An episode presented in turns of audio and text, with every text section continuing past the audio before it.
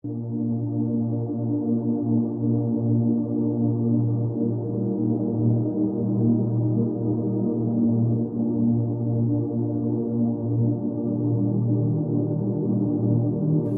keluarga kita tuh aset amal jariah. Bapak-bapak misalnya masalah duit, nafkah. Nanti kita akan bahas itu di poin selanjutnya tentang masalah hak dan kewajiban.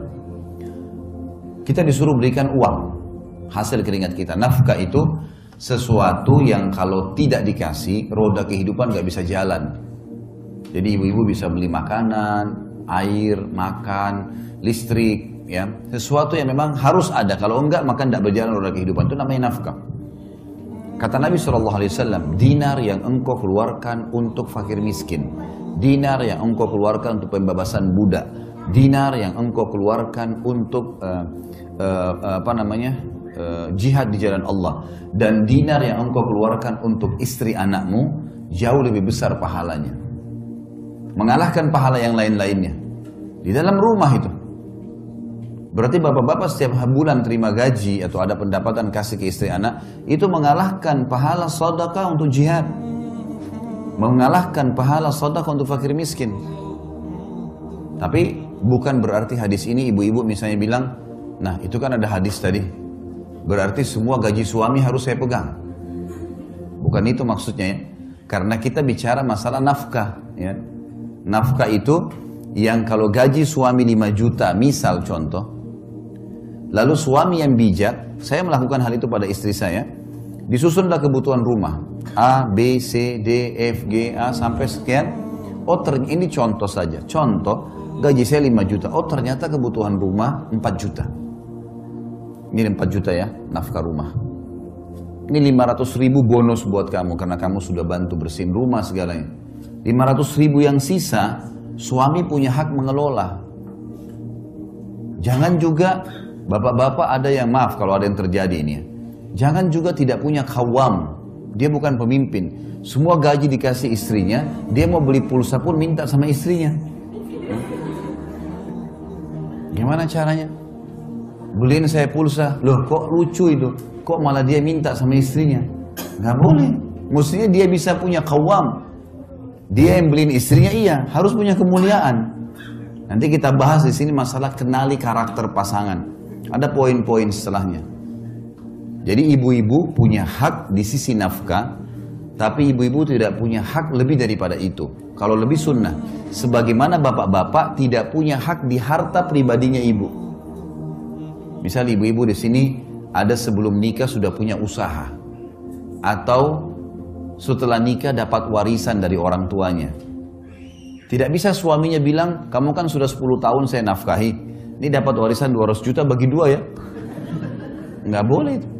Dia nggak punya hak satu rupiah pun. Laki-laki suami nggak punya hak dari harta istri pribadi. Istri punya hak hak nafkah saja. Lebih daripada itu sunnah, bukan kewajiban. Ini nanti kalau memahami secara benar seperti batu bata yang kita letakkan di tembok bangunan maka akan rapi kalau benar semuanya. Tapi yang jelas, sekarang kalau laki-laki mau menjadikan aset amal jariah. Apa pun hasil keringatnya diberikan kepada istri anaknya adalah sodok yang paling besar. Wanita misalnya, ibu-ibu di belakang sana. Apa kata Nabi SAW? Kata kunci sederhana masuk surga. Wanita, istri mana pun, istri mana pun yang menjaga lima waktu sholatnya. Kemudian berpuasa Ramadannya. Ini nggak disebutin sholat sunnah ya, sholat wajib saja dulu kalau sholat sunnah ibu-ibu kerjain itu sudah plus. Sholat lima waktu, azan langsung sholat, subuh sampai isya. Kemudian yang kedua tiba Ramadan, puasa Ramadan, belum dimasukkan puasa sunnah. Dan dia mentaati dan melayani suaminya pada hal yang ma'ruf. Ma'ruf ini maksudnya bukan melanggar agama. Kecuali pada saat dia meninggal, dia boleh masuk, dia boleh pilih delapan pintu surga yang mana dia mau masuk. Hanya tiga hal saja. Sederhana sekali kita bisa menjadikan rumah tangga kita sebagai aset amal jariah. Orang-orang ini nih, suami istri, orang tua, orang tua kita misalnya, orang tua di rumah, tinggal kita berbakti dengan mereka, berikan mereka sesuatu yang terbaik, gitu kan? Ini di rumah tangga, keluarga kita. maka kita sudah bisa panen surga. Ya kan? Allah menjadikan bakti dengan kedua orang tua setelah iman kepadanya. Anak-anak lahir kita nggak bisa milih, sebagaimana orang tua nggak bisa kita milih.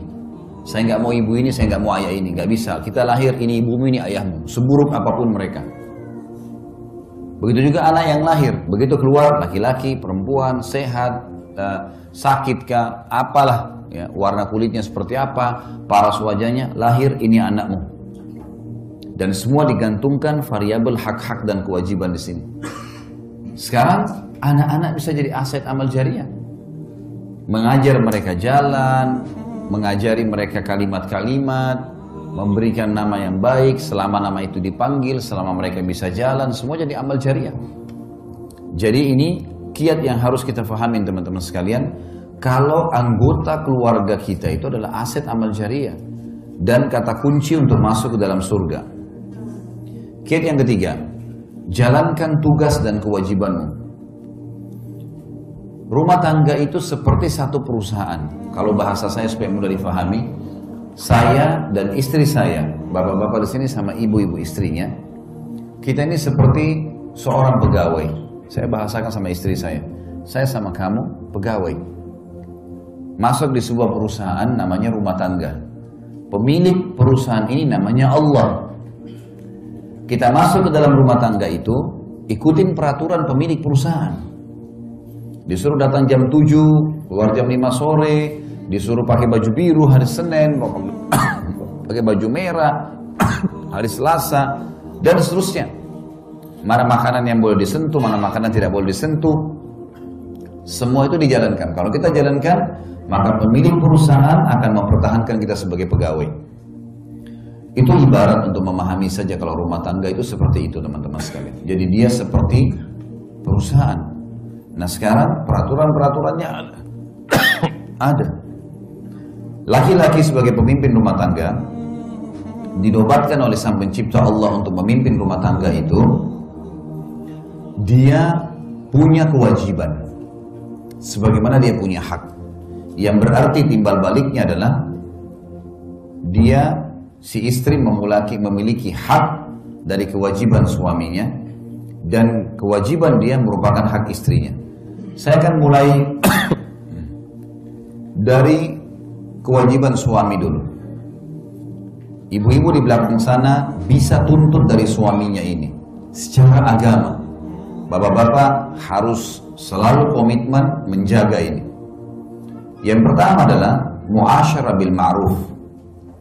Semua bapak-bapak hadir di sini harus bermuamalah dengan lemah lembut dan santun. Allah berfirman dalam Al-Quran A'udhu billahi minasyaitonir rajim wa ashiruhunna bil ma'ruf dan gaulilah mereka para istri dengan ma'ruf. Kata Abdullah bin Abbas adalah tutur kata yang santun, sayang, manja, cinta, tatapan mata yang syahdu, jaman tangan yang lembut.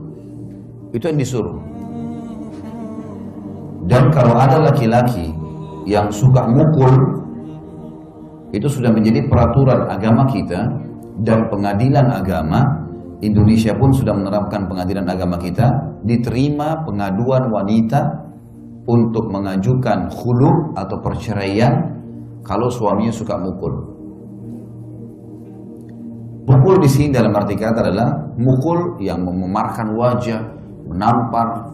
Kata Nabi SAW, jangan caci maki, jangan jelek-jelekan, dan hindari wajah tamparan, pukulan gitu kan. Tapi dari satu sisi yang lain ada ayat Al-Qur'an yang menjelaskan kalau wanita yang kita khawatirkan sebagai suami nusyud, nusyud itu pembangkangan. Misal maaf disuruh tutup aurat nggak mau.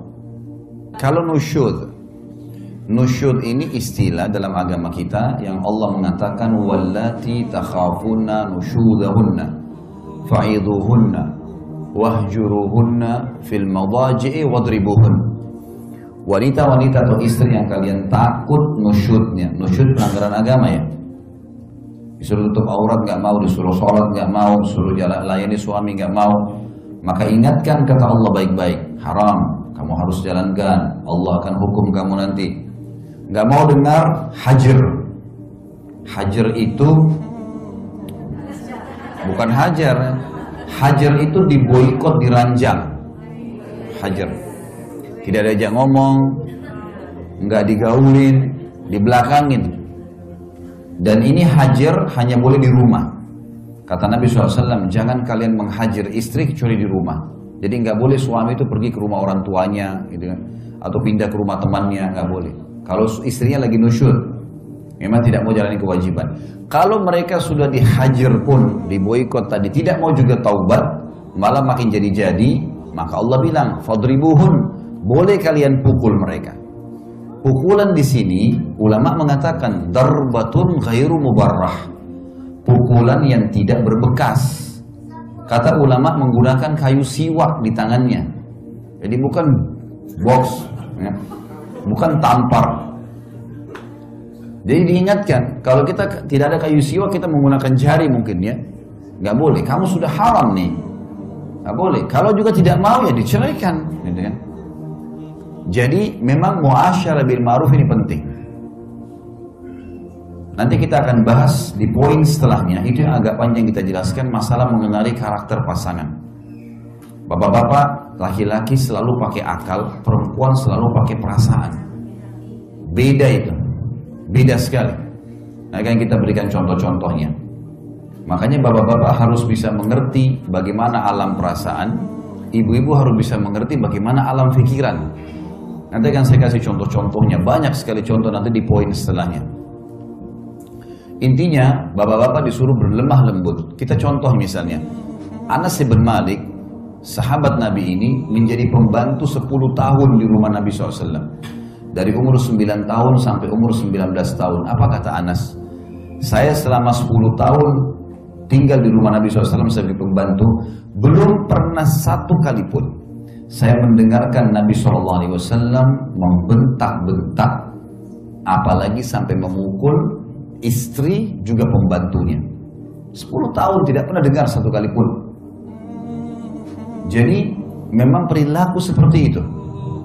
Perilaku yang memang diperintahkan untuk berbuat baik. Ini hak yang pertama. Hak yang kedua adalah diberikan nafkah. Tadi saya bilang nafkah ini sesuatu yang roda kehidupan berjalan dengannya. Harus belanja. Bapak-bapak yang bijak saya bilang tadi tulis semua pengeluaran rumah. Rincikan. Kita juga jadi lebih mudah tahu oh ternyata bulanan saya butuh sekian nih. Kalau kurang dari ini berarti saya harus lebih ekstra lagi kerja misalnya. Baik, nafkah ini adalah masuk dalamnya makanan, minuman, pakaian, dan tempat tinggal semampunya. Kalau bisa kontrak-kontrak dulu, kalau bisa beli, alhamdulillah. Tapi ini semua masuk dalam masalah nafkah, ya, dalam masalah nafkah, semampunya.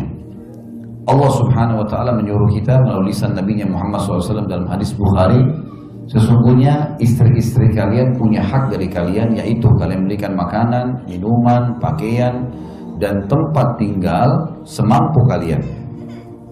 Memang disuruh kita kasih. Dan nafkah ini saya bilang tadi pahalanya sangat besar. Sangat besar. Ya. Karena mengalahkan tadi pahala sodakah di jihad, pembebasan budak, dan juga fakir miskin.